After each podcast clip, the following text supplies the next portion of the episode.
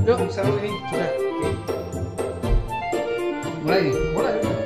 Oke, assalamualaikum, selamat sore rekan sehat. Eh, salah saya manggil ya, Van. Rekan semangat. Rekan Nah, semangat oke. dong. Selamat sore rekan semangat. Ketemu lagi bersama saya Fajar dan Avan di sini. di podcast HR. Nanti dikasih bumerang ya, Van ya. Ding, ceblung, ceblung, ceblung, ceblung, gitu biar keren. Sementara manual dulu ya. Nanti diedit gitu.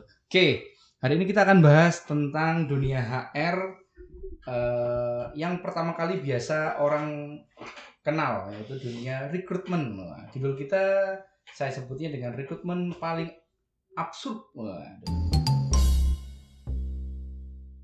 Kita akan bahas tentang rekrutmen rekrutmen-rekrutmen yang pernah dilakukan oleh saya dan Avan gitu di dunia kerjanya. Jadi just info aja kita kebetulan jadi kita ini bekerja Mas Ian. Jadi bukan seperti podcast-podcast yang lain yang punya usaha artis gitu kan. Kita masih buruh. Hmm. Jadi ini hanya mengisi waktu luang kita untuk meluapkan emosi kita selama bekerja gitu kan. Dari tekanan. Tekanan gitu kan Tekanan. tekanan yang menghimpit sebagai seorang HR HR juga Yang manusia se- sebenarnya kita tuh kalau di HR nggak boleh menunjukkan keluh kesah kita sih sebenarnya. gitu karena harus. harus- harusnya sih gitu. Harus profesional terus, harus Ah, depan terkesan kelihatannya Ah, keren gitu ya. Makanya di sini nih. nah ini momen yang paling bagus. Kita nggak akan menyebutkan kita kerja di mana. Kita akan misu-misu bos kita. Nggak usah takut untuk dipecat ya kan? Asal nggak dikasih tahu. Tapi kayaknya bos kita juga nggak akan dengerin ini deh. iya karena dia nggak ada waktu. Soalnya dia lebih dengerin duit. Nggak, dia lebih, lebih dengerin Hmm. sepep kayak. Astagfirullahaladzim. Aduh, punya anak tiga masih omongan kayak gini. Kampret, kampret. Oke, lanjut lanjut kita mulai. Van, kita bahas tentang rekrutmen, pengalaman rekrutmen. Nah, saya mulai tanya dulu nih dari kue Van. Boleh saya panggil kue aja ya, karena kita Ya, orang Jawa. Bebas lah. Jadi nggak mau kalau kadang lulu gue gue boleh lah ya, karena Ah, kita tinggal di Jakarta sekarang. bebas ya. Mau lu gue Kalau gua- sampai ya. Nah, sampean juga boleh, jenengan juga boleh. Tapi bisa kue atau cah juga boleh bebas ya kayaknya. Nyok gimana nyok? Nyok jangan kalau nyok. Nyok kalau nyak enak. nyak. eh nyak. Oke, fokus fokus fokus. Ah, oke, Van, lu kerja sebagai HR udah berapa lama, Van?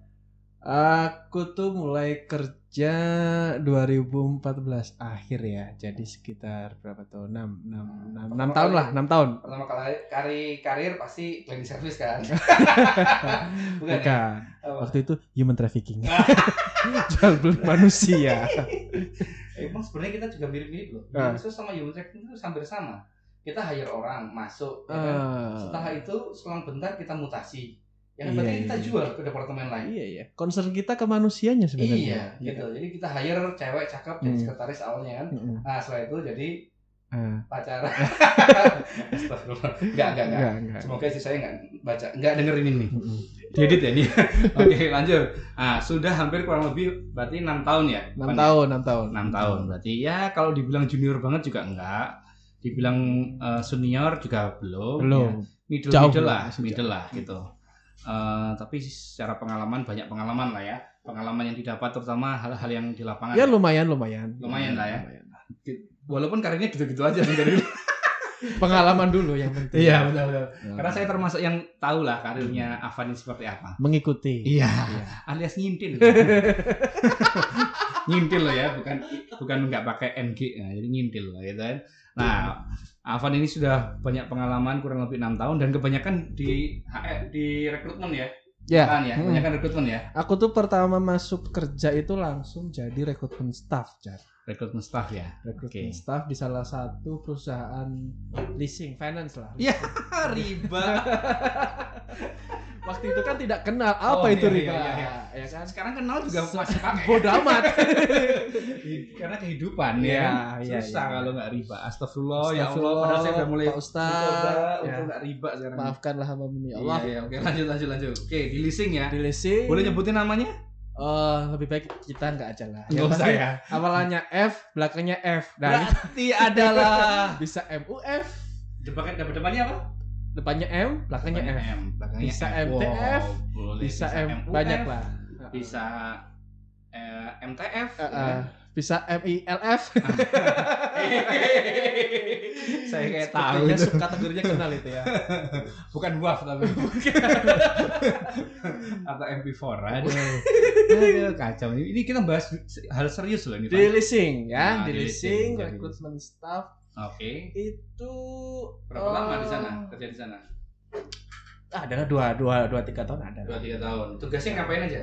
Tugasnya itu eh, waktu itu kebetulan aku bertanggung jawab Mm-mm. buat pemenuhan eh, MPP ya, manpower. Manpower planning. Kalau yang nggak tahu, MPP itu adalah manpower Ah, oke manpower planning. Jadi orang lah. eh, merencanakan, merencanakan. perencanaan kebutuhan karyawan di perusahaan itu. Gitu Jadi ya? awalnya aku nggak tahu nih, aku pikir kan rekrutmen biasa lah. Kebetulan waktu itu kan di Jakarta. Oke. Jakarta pikir ah rekrutmen di Jakarta is oke lah. Ternyata hari pertama masuk aku dikasih tahu kamu bertanggung jawab buat pemenuhan kantor cabang di area Jawa Timur, Bali dan Nus Nusra ya Nusa Tenggara. Wih, keren. Pucet pak, pucet pak. Pengalaman pertama langsung keluar kota ya. Dan itu sana. dua hari masuk langsung Hmm. disuruh dinas ke Jawa Timur selama sebulan. Oke. Disuruh gi- tinggal gitu aja udah dilepas, suruh pemenuhan di sana untuk merekrut eh, marketing sama kolektor. Biasalah untuk leasing-leasing kan. Oke. Marketing sama kolektor. Marketing itu berarti tugasnya memasarkan produknya. Produk. eh, Leasing itu iya. ya? Oke. Oh, berarti anu apa tugasnya eh, hire atau rekrut orang di bidang marketing ya? Iya, Bidang sekali. marketing sama di bidang eh, apa tadi debt collector ya? Kolektor, iya, yang Dep- nagih penagihan, penagihan. Oh, itu debt collector namanya. Debt kolektor. Oh, Biasanya orang nyebutnya sih kolektor, debt kolektor, ya. berarti kredit kolektor ada nggak? Kredit kolektor ada juga. Tugasnya ngapain? Nagihin kredit. Nagihin kredit. Kalau debt collector, Debt kolektor nagihin yang kredit juga. oh, gimana ini? Kayaknya salah narasumber. salah ngajak partner kayaknya saya. Itu enggak. Ya tapi nggak apa-apa lah karena potensi ini nggak terlalu serius jadi nggak apa-apa lah salah-salah dikit lah ya. Gitu. Jadi dua itu yang dipenuhin. Iya. Cuma dua posisi itu aja. Iya, iya, iya. Tapi pasti jumlahnya banyak dong. Banyak banyak banget. Jadi waktu pertama itu disuruh jadi ada aku lupa sih jumlah pastinya. Yang pasti di atas lima cabang lah. Di atas lima cabang itu ditarget Ini apa nih cabang olahraga maksudnya? Bukan. bukan, bukan, bukan. Basket, tenis bukan ya, bukan. kantor cabang. Oh, kantor cabang, iya. cabang, ya. Kantor cabang itu rata-rata ya. Hmm. Setiap kantor cabang tuh 20 orang lah. Wih. Kali aja berapa tuh? Katakanlah lebih dari Berarti- lima lah, paling enggak lima. Itu 20 orang per posisi.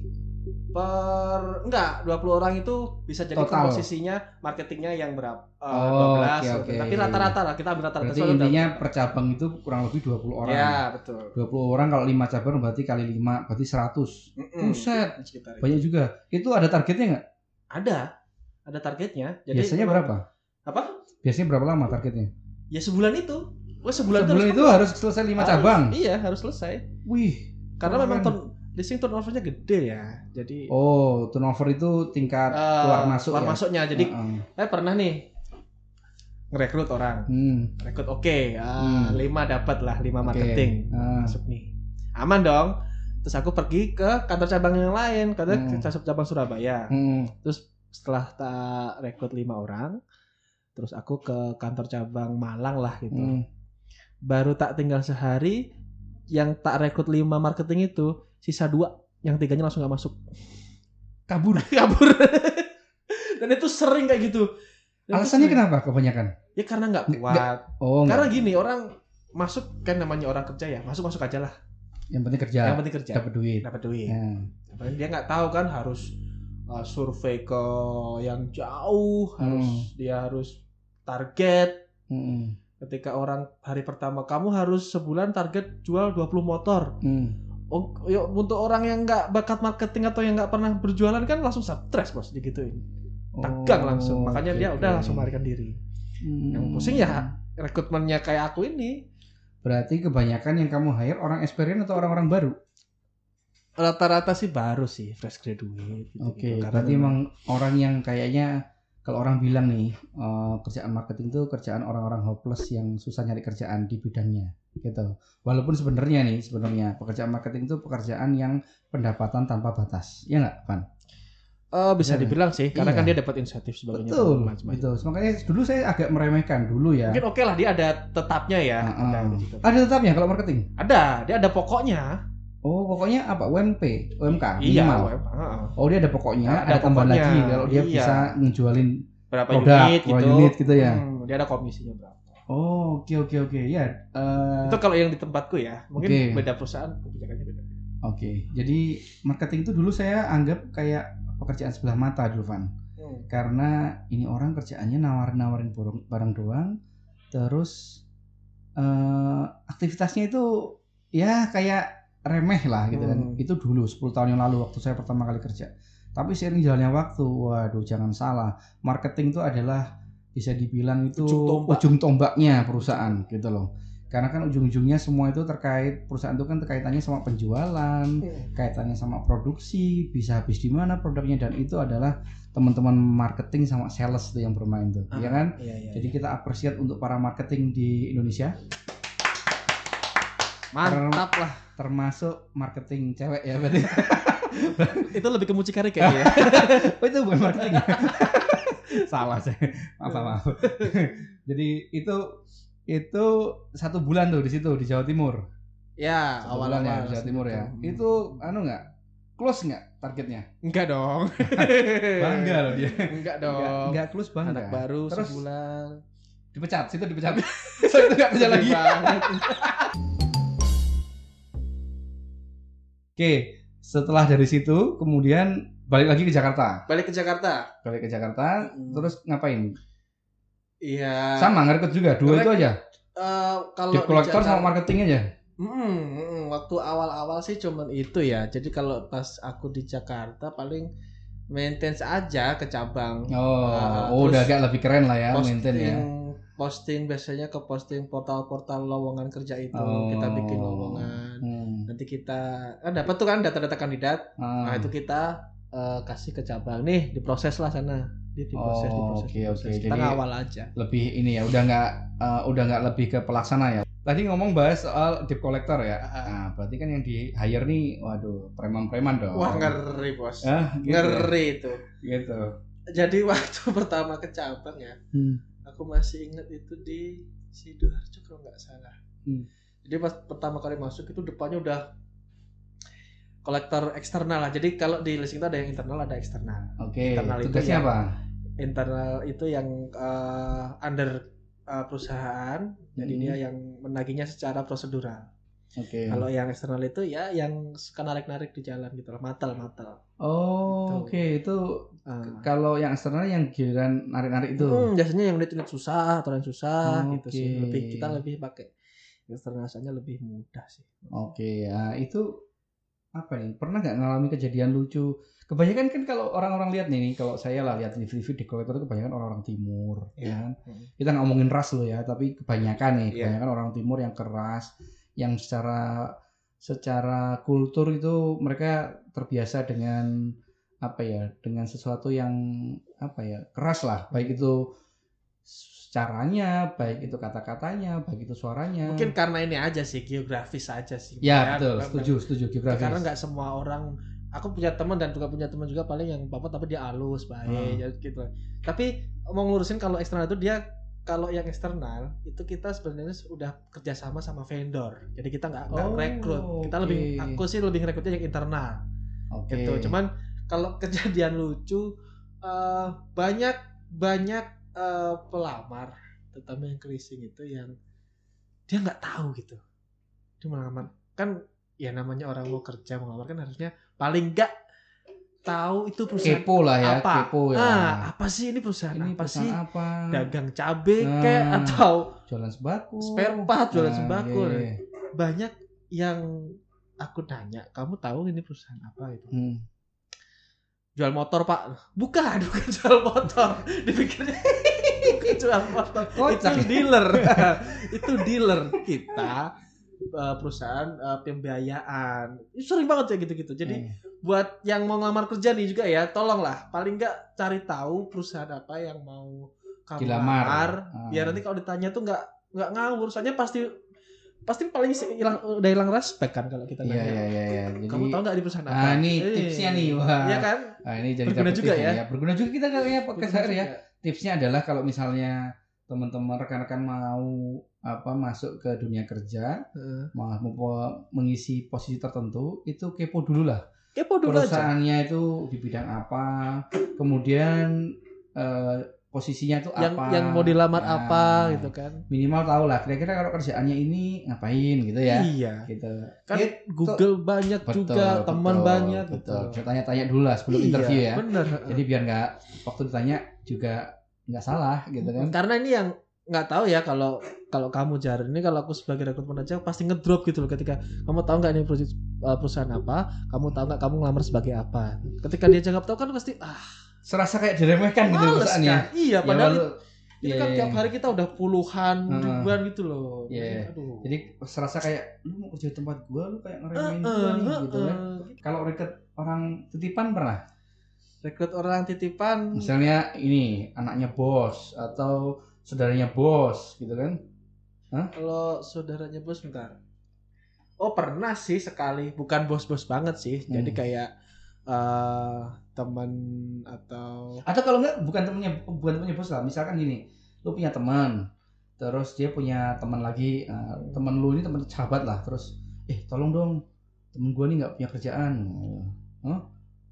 eh kalau paling cuman ini aja sih. Jadi kita ngerekrut orang yang udah pasti keterima. Itu nggak sih? Oh, oke oke oke oke. Yang ini ah ini cuman formalitas Nah, tahu kok. cuma ya, Eh, eh, psikotes juga paling nggak Iya. usah pakai krepin lah, nggak usah Eh, pakai pauli lah. Iya. Isi aja ini apa di ISC Isi aja biodata lulus kok. iya. pas interview oh kamu cocok ya. Ya, Iya. Selamat selamat kerja gitu ya. Eh, untuk posisi-posisi yang udah di high gitu, iya sering fun ini ini, ini. Tapi kita udah tahu gitu, ah ini paling Hmm. cuma formalitas. Pasti keterima Oh, kok. Gitu oke, sih. oke. Biasanya i- eh, yang pasti keterima itu karena lu butuhin Heeh. atau karena lu udah feeling aja nih kayaknya udah lah gua nggak mau buang waktu lah gitu. karena tahu mereka ngopi bareng di bawah. Jadi Oh, yang nyuruh aku sama yang mau di interview itu ngopi bareng di bawah. Jadi ah, sudah pasti keterima. Ah, ini mah formalitas doang. Formalitas gitu doang ya. gitu. Oke. Terus kalau misalnya nih dapat Nah. kandidat yang nggak oke banget mah, Heeh. walaupun aku yakin kandidatnya banyak nggak oke nya kan. Heeh. Nah, Kira-kira kan apalagi kalau interview banyak orang itu kan waktu ya masalah ya. Iya. Paling masalah itu kan waktu ya. Nah kira-kira kalau misalnya lu dari awal dari expression pertama lu udah nggak oke gitu, kira-kira lu akan tetap ya jalanin aja interviewnya seperti yang biasa lu lakuin atau lu cepet-cepet selesai? Nah, ini menarik nih. Hmm. Jadi kadang nggak bisa dipukul rata A B C gitu. Hmm. Kadang uh, ada yang kurang oke, tapi kita ngelihat wah target kita masih jauh nih. Akhirnya dipaksain. Akhirnya ya udah, yang penting dia sesuai sama job spec ya. Nah, Uh, umur segini, kuliah di sini gitu-gitu gitu. nah.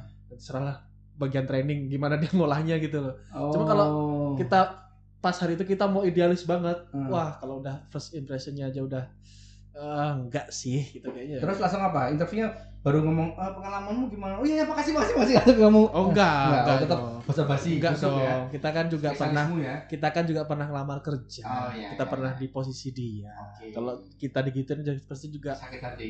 iyalah dia udah ngeprint, Ah. mungkin dia naik ke sini naik bis, panas-panasan Iya, nunggu iya, iya. kita gitu kan. Tapi sebenarnya kayak gitu lebih jahat loh. Hah? Ini ini versi gue ya. Ah, ah. Boleh dong. Objek gimana maksudnya? Jadi kalau gue sih gini, biasanya kalau gue hire orang itu biasanya gue akan Heeh, gimana? Kalau hire orang? kalau hire orang itu biasanya gue kalau misalnya udah nggak oke dari awal gue udah bilang Hmm. ini kalau gue ya jadi gue akan buka seluas luasnya tentang eh, setelah interview ya setelah interview gue jalan gue akan dari awal tuh biasanya gue akan bilang tentang perusahaan ini Hmm. dan itu lebih ke arah jelek jeleknya dulu kalau ibaratnya dulu gue akan mau Jeleknya bilang- perusahaan maksudnya. iya maksudnya Bukan jeleknya orangnya itu. bukan kalau orangnya Udah berarti jelek. gitu jadi eh, jelek-jelek orangnya dulu lah Ah. bukan orang-orangnya jelek-jelek perusahaannya lah jadi minimal nggak beli kucing dalam karung lah gitu. Ah. biasanya aku akan kasih gambaran lah bukan jeleknya sebenarnya lebih ke arah kondisi apa adanya lah Ah. gitu perusahaan ini kayak gimana dan sebagainya Ya. gitu Itu yang pertama biasa lakukan yang kedua kalau misalnya memang dia benar nggak oke gua akan bilang di saat itu juga kan ada tuh HRD yang bilang gini oke pak terima kasih prosesnya sudah kami terima semua proses sudah berjalan nanti kita akan kabari dua minggu dari sekarang nah itu tuh Iya. itu bahasa khas HRD itu gitu dua gua- minggu ya. ya Di mana-mana kayaknya semua standar dua minggu SOP-nya dua minggu. dua ya? minggu Itu ya. siapa yang nyiptain itu? itu yang nyiptain namanya eh, Haji. Mamat. Gak tahu tapi semua orang dua Iya ya. minggu Kenapa ya? karena dua minggu itu kalau secara psikologis orang akan pertama Hah? seminggu pertama itu masih berharap Oke. seminggu kedua itu udah mulai ke arah oh ini lanjut gak ya lanjut gak ya setelah dua minggu itu udah ah pasti nggak lolos nih gitu. Oh. karena kelamaan Ah. gitu ya kan karena kalau di biasanya kalau orang kerja itu kan one more notice kan Mm. nah satu bulan sebelumnya Hmm. gitu. jadi dua minggu tuh ya tengah-tengah lah gitu Oke, nah oke. kalau aku biasanya lebih ke arah kalau memang nggak oke gue akan bilang kayaknya masih nggak cocok deh di Heeh. apa namanya di perusahaan ini dengan Heeh. budaya- ada nggak ada yang ngotot lah saya tunjukkan dulu lah Coba dulu saya gitu. bisa Coba saya dulu. mampu dan sebagainya Nah. Saya ini gini begini gini. nah gitu Orang-orang biasanya kalau kayak gitu-gitu ya ya saya iyain aja lah gitu tapi nanti pasti setelah satu minggu atau dua minggu ya saya kabari gitu jadi minimal nggak PHP lah gitu kan nah, walaupun juga ada juga yang PHP biasanya PHP ini yang ngerekrut cewek cakep ya kan seksi tapi sebenarnya nggak oke gitu kan tapi kayaknya enak nih buat WA-an nah, cuma segitu belum ada WA sih nah, bisa nih untuk SMS-an ya kan nah, YM lah, YM. YM, YM. Messenger. Nah, Kalau saya sih lebih karena yang di interview kebanyakan variatif kali ya. Ada Hmm. ceweknya, ada cowoknya, posisinya berbagai macam. Kalau kamu kan lebih, Lebih ke cowok sih. Ke cowok ya? kebanyakan, Dulu awalnya cowok. jadi susah juga mau Saya main-main. nyarinya yang tempat lain. ya nggak formal ya. Iya dong. Iya, iya, iya, iya. Susah. Jadi nggak main di ranah itulah. Ah, ya ah. kan? Oke. Jadi, ah berarti kalau ngerekrut Enggak, orang-orang sebentar aku mau nanya. Hmm. Kenapa kayak gitu? Kenapa langsung dikasih tahu bahwa oke kamu nggak langsung lolos? Karena gue nggak mau PHP, coy. Lu tau nggak PHP itu nggak enak seperti hubungan kita. Alah. Sempak. Enggak, jadi gini. Orang itu kan ng- ngelamar ke perusahaan itu kan pasti nggak cuma satu dong. Iya. Ya pasti banyak. Nah, gue meminimalisir dia untuk berharap Hmm. di satu tempat. Hmm. Gitu. Hmm. Jadi kalau misalnya udah enggak ya gue akan bilang gitu. Atau kalau enggak gue pakai kalimat yang sakti hampir kayak kalimat ini tadi dua minggu itu akan saya infokan. Itu berlaku buat di segala level jabatan. semua Atau- semua. level saya level level itu gue mah nggak pilih-pilih orangnya gitu jadi biasanya kalau misalnya anu ya gue kan bilangnya gini gue bukan ngomong dua minggu lagi akan kita kabari kelanjutannya kalau gue nggak gue bilang gini kalau dalam kurun waktu dua minggu nggak ada kabar dari saya berarti prosesnya tidak lanjut Hmm. nah itu lebih fair buat gue Hmm. pertama gue nggak harus inget-inget dua minggu lagi untuk ngasih tahu dia kedua juga dia juga nggak berharap gitu tapi kalau saat itu juga gue merasa ini kayaknya udah nggak bisa lanjut nih ya sudah gue akan bilang Kita tuh sebenarnya ini enggak sih? apa jahat Punya enggak enggak. Oh, enggak. enggak. Jahat baik kan relatif ya. asik Kita punya tanggung jawab nggak buat ngasih tahu ke calon kandidat kalau dia nggak lolos. kalau gue iya kalau gue loh ya Satu persatu gitu. ya kan sekarang udah zaman modern coy lu kan bisa pakai robot di email lah gitu kan bisa lu replay all pakai robot itu gitu loh gitu ya walaupun mungkin Karena kemarin kan ada tuh di jadi sempat viral di Twitter karena Hmm. ya itu dia nggak dikasih tahu kayak gitu gitu. Hmm. Memang, memang kita harus sebagai HR ada tanggung jawabnya untuk secara kewajiban sih nggak ada Heeh, moral aja berarti. ya? moral lebih ke arah moral tapi eh, alangkah baiknya kalau memang misalkan nggak mau repot untuk balesin satu-satu Hmm. Pakai itu tadi ya. iya Ah, kalimat oke. terakhir lu gini aja ya ini proses nanti akan kita infokan dua minggu lagi kalau misalkan dalam waktu dua minggu nggak ada kabar Nah, maka prosesnya nggak lanjut alias tidak di Tips lagi ya.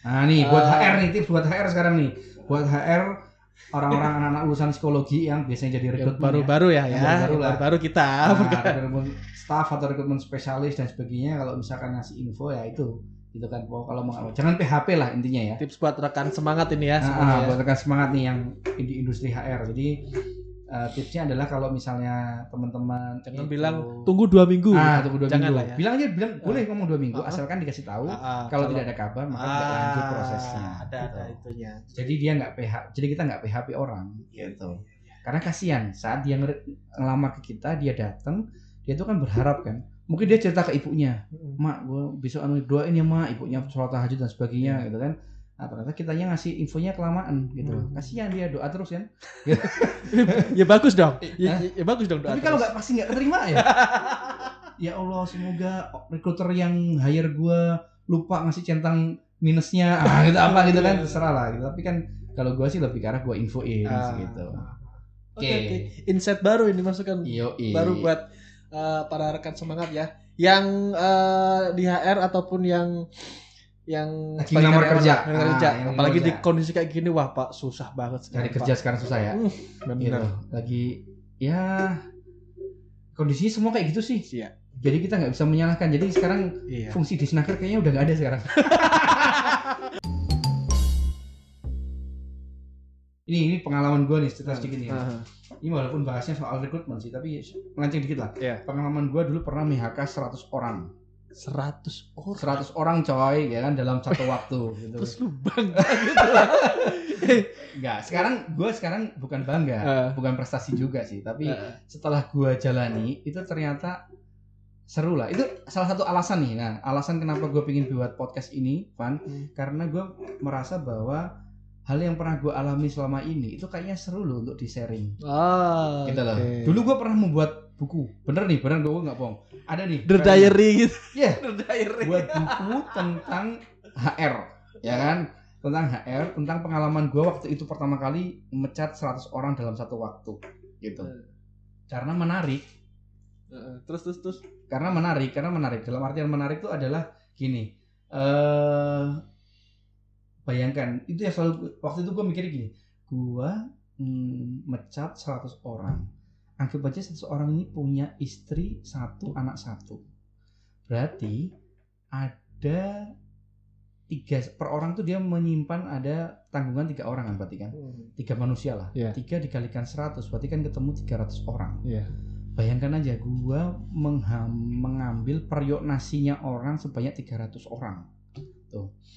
Itu gua anjir sebulan nggak bisa tidur gua mau melakukan proses itu karena proses itu harus dilakukan karena kondisi perusahaan sudah nggak memungkinkan. Alhamdulillah perusahaan gua waktu itu cukup bagus dalam mentreat karyawan. Jadi Iya. dua tahun sebelumnya kondisi udah mulai nggak membaik, sudah mulai dirumahkan tapi tetap dibayar gaji pokok. Wah keren banget kan? Di rumah nggak ngapa-ngapain dua tahun dibayar gaji pokok gitu. Apalagi industrinya industri ya gue nggak bisa nyebut industri tapi industrinya oke lah, cukup lah untuk hidup. Di tahun kedua karena kondisi udah nggak mulai membaik, mulailah kita namanya pengurangan persentase gaji. Jadi yang di rumah gaji pokoknya dikurangi awalnya dari 10% dulu. Jadi dapat cuma 9%. Sebulan pertama 10%. Sebulan kedua naik jadi 25%. Sampai akhirnya di bulan ke-6 itu adalah 50%. Nah, setelah itu itu sebenarnya eh, buat teman-teman juga buat rekan semangat nih. Itu sebenarnya adalah sinyal bagi karyawan meng sinyal untuk karyawan eh, tentang kondisi perusahaan itu lagi nggak baik sebenarnya. Gitu. Ah, iya, Jadi iya. kalau misalkan perusahaan lu sudah mulai lu dirumahkan, kecuali kondisi sekarang ya, karena sekarang lagi WFH corona ini ya, itu beda cerita. Tapi udah mulai dirumahkan, kemudian cuma dibayar gaji pokok, kemudian dan itu berlangsung, lah ah ya, itu tanda-tanda ya. kondisi udah nggak mulai nggak membaik. Dan Iya, waktu itu itu udah di, sinyal itu udah diberikan. Hmm. Jadi pas prosesnya pun saya alhamdulillah smooth, gitu kan, smooth karena berbagai alasan lah, berbagai penyebab lah prosesnya itu smooth yang pertama karena orang 100 itu eh, kebetulan yang hire aku juga gitu. Jadi yang rekrut ini kembali ke rekrutmen ya. Jadi yang meng-hire 100 orang itu adalah aku juga prosesnya. Jadi secara kedekatan emosional gue deket sama dia gitu. Sama mereka mereka deket gitu Iya sih. Ha, bener, gitu. bener. jadi akhirnya bahasanya bahasa kopi. Iya iya iya. gue kasih tahu nih kondisi perusahaan lagi gak bagus nih. Rencananya mau gini-gini nih. Terus gimana dong? Menurut lu gimana jar? Gue bilang ya kalau gue kalau ditawari kondisi gitu gue ambil gitu loh. Hmm. kenapa? Karena belum tentu nanti ke depannya perusahaan punya duit untuk bayarin lu. Hmm. bayarin terkait dengan pesangon ya pesangon atau apa dan sebagainya lah gitulah kondisinya waktu itu juga ke- kebetulan nggak menarik sih. Menar- nggak menarik dalam artian tuh pemberian pesangonnya nggak menarik. Nggak sesuai undang-undang lah ya. Hmm. tapi buat gua itu masih lebih baik ketimbang nggak dapat apa-apa gitu. Karena kondisinya memang nggak ada duitnya. Saya bilang ke mereka nggak ada duitnya. Kalau misalkan aku boleh memilih gitu kan. Aku bukan pilih Allah gitu. Itu aku milih untuk diselesaikan juga gitu. Loh. milih untuk diselesaikan juga Ah. gitu kan. Karena apa? Karena ya kondisi memang nggak ada duitnya gitu loh. Jadi ya kalau gue sih milih untuk diambil gitu kan. Tapi ternyata karena gue waktu itu HR mau nggak mau gue harus yang mecat tuh. Gue nggak mungkin dong mecat diri gue sendiri. Lah yang mecat karyawan ini siapa kalau bukan gue kan? Jadi mau nggak mau gue dulu yang mecat mereka. Dan akhirnya prosesnya lebih smooth dan kekeluargaan. Jadi gue prosesnya Karena lu yang nge-hire ya. pertama gue yang meng-hire lah. Ini alasan keduanya adalah Ah, gue caranya adalah kekeluargaan. Gue datengin rumahnya Van. Gila nggak lu? 100 orang satu persatu itu. nggak semuanya sih, Oh. tapi lebih ke arah gue kumpulin kan lokasinya kan ada yang di Jawa Tengah, ada Jawa Timur, ada yang di Oh. Kalimantan dan sebagainya. Jadi yang satu lokasi misalkan di daerah Jawa Tengah gue kumpulin di Jogja. Gitu kan? Ada 10 orang gue kumpulin di Jogja eh, di warung, salah satu warung namanya mie ayam contreng. Promosi. Oke. Kenapa jadi promo? Oh iya, iya, lupa. ya mie ayam contreng itu adalah mie ayam punya saya, bukan punya saya sih, punya keluarga saya. Jangan aku ngaku jangan. Oke, jadi eh, gua kumpulin di situ, gua ceritain kondisinya dan akhirnya mereka mau, gitu kan. Dan saya juga di situ pertama gua jelasin semuanya keseluruhan, gua minta maaf atas nama pribadi dan, dan perusahaan. Kemudian ya akhirnya mereka mau menerima, accepted dan saya minta maaf ke mereka dan sampaikan salam dan minta maaf ke anak istrinya juga gitu. Dan sejak itu dari hari itu sampai penyelesaian itu kan kurang lebih tiga bulan. Itu tiap malam gue sholat untuk minta maaf ke mereka Jadi lewat doa. gini ya, kondisi mental tuh kayak prajurit disuruh perang. Ah, gitu. Nggak mau nih, Ah, tapi ah. gue disuruh. Iya. Gimana dong? Dan gue dikasih amunisinya, amunisinya kalau ibaratnya Ah, kalau amunisinya AK 47 gitu. 47 oke lah ya. Eh, lah. Ini amunisinya bambu Tembak runcing gitu. Oh, oh ya boleh. Bambu runcing cuy. Eh. Gitu loh. Bayangin lu, lu mencat orang, lu dikasih amunisi, lu mencat orang tapi lu nggak ngasih pesangon yang sesuai. Wah itu gak enak banget sih bener. Gak enak banget. Parah lah itu. Udah gitu, dicicil lagi. Aduh, gimana perasaannya itu. Jadi kalau ada HR yang punya pengalaman belum seperti ini, berarti lu masih ya junior gua lah. Anjir, sombong bener. Gitu. Enggak, Jadi, tapi gini yang penasaran. Sebenarnya kalaupun lo nggak menempuh jalan secara personal kayak Hmm. lo datengin, lo Hmm. ngajak ngobrol. Sebenarnya lo ngomong eh pecat Hmm. profesional, Hmm. it's okay kan? Oh enggak Kenapa? dong, enggak dong. Van enggak. Karena gini, di dalam hal mencat-mencat itu kan ada aturannya. Hmm. Jadi ada aturannya eh, di Kemenaker biasanya teman-teman mediator tuh. Hmm. Nah, kalau nggak sesuai sama aturan maka akan naik ke PHI, Hmm. Pengadilan Hubungan Industrial Hmm. gitu. Jadi buat teman-teman HR nih yang masih baru-baru atau anu kita tuh ada namanya Pengadilan Hubungan Industrial yang khusus untuk masalah ketenaga kerjaan Hmm. gitu. Nah di situ bisa rame tuh.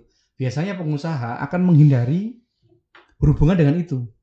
Karena pertama pasti akan di blow up Hmm. perusahaannya. Iya. Kedua itu panjang prosesnya. Di blow di blow apa? Blow up. blow. Oh, blow up. Bilang blow job. kan ada job-jobnya. Ah, iya, iya. Di blow up. Eh. Jadi pasti akan rame, perusahaannya akan berpengaruh lah. Ah. Kedua, prosesnya panjang. Itu minimal harus 9 bulan. Hmm. Dan itu nggak ngenakin, nggak ngenakin buat kedua belah pihak, baik itu HR-nya atau perusahaannya maupun si karyawannya. Karena karyawannya nggak akan dapat apa-apa sebelum itu ada putusan.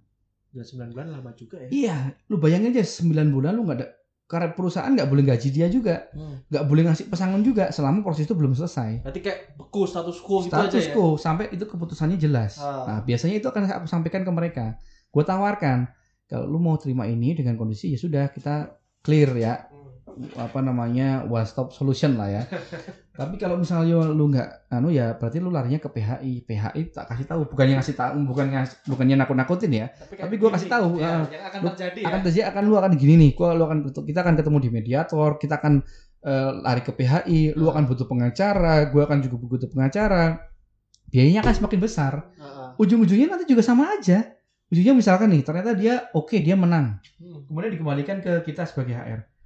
Atau dikembalikan ke perusahaan atau pengusaha lah. Terus pengusaha bilang gue nggak mampu, gitu kan? Terus gimana? Yang ujung-ujungnya ya udah, oh, akhirnya freeze, Ya. gitu loh, gitu. Ujungnya nanti larinya lebih tinggi lagi kalau masalah di likuidasi lah, proses anu ah panjang, lah, panjang, lah. Ya, repot panjang. jadinya. Akhirnya dengan dan gue kasih tahu ke mereka bahwa gini, lagian juga lu selama dua tahun terakhir juga lu nggak ngapa-ngapain, lu dibayar lu, Hmm. ya kan? Lu dua tahun nggak ngapa-ngapain, lu dibayar, lu bisa aktivitas yang lain, Iya. gitu loh. Hmm. Jadi ya buat gue sih ini fair gitu loh. Nah akhirnya mereka mau terima dengan catatan sih, karena waktu itu dibayarnya adalah dicicil, mereka mau asalkan gua nggak boleh keluar dari perusahaan itu selama 12 bulan ke depan. Oh buat jaminan. Yoi, Buat gitu. jaminan. Jadi harga gua ini lebih tinggi Jaminan. ketimbang sertifikat tanah. lu jangan keluar lu. Ya, gitu. 300 orang lebih menjaminkan aku. gue keluar mati gitu kan nah gitu akhirnya ya mau nggak mau gue accepted gitu lah. Gue gue menjamin karena mereka berpikiran gini. Kebetulan teman-teman teman-teman ini ya secara latar belakang pendidikan mereka udah tinggi tinggi juga mereka tahu lah. Ya. kalau gue keluar terus gue mau berhubungan dengan orang di dalamnya tuh siapa gitu loh. Iya. ya kan? Iya. gue mau langsung ketemu pengusahanya direkturnya. Nggak mungkin nggak mau diurusin. Lu gua siapa gitu kan?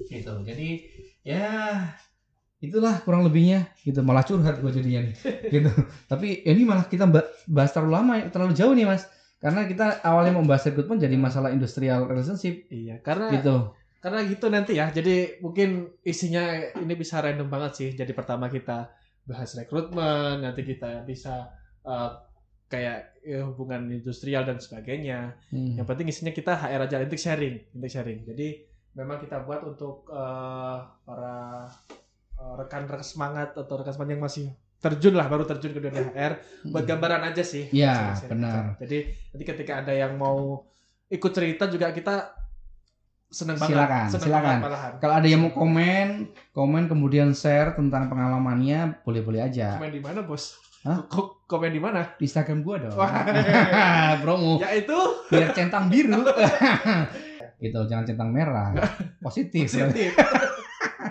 gitu jadi ini udah berapa lama ya kayaknya sih udah sih ya sharing kita Ah, ah. nanti di episode berikutnya kita akan bahas Bahas apa nih? rekrutmen juga sih gue mau sharing tentang pengalaman ah, lu kan tadi kan pengalaman rekrutmen lu gue bilang ya masih kalau eh, eh, poin 1 sampai 10 gue kasih nilai lu tuh minus 3 lah Wah.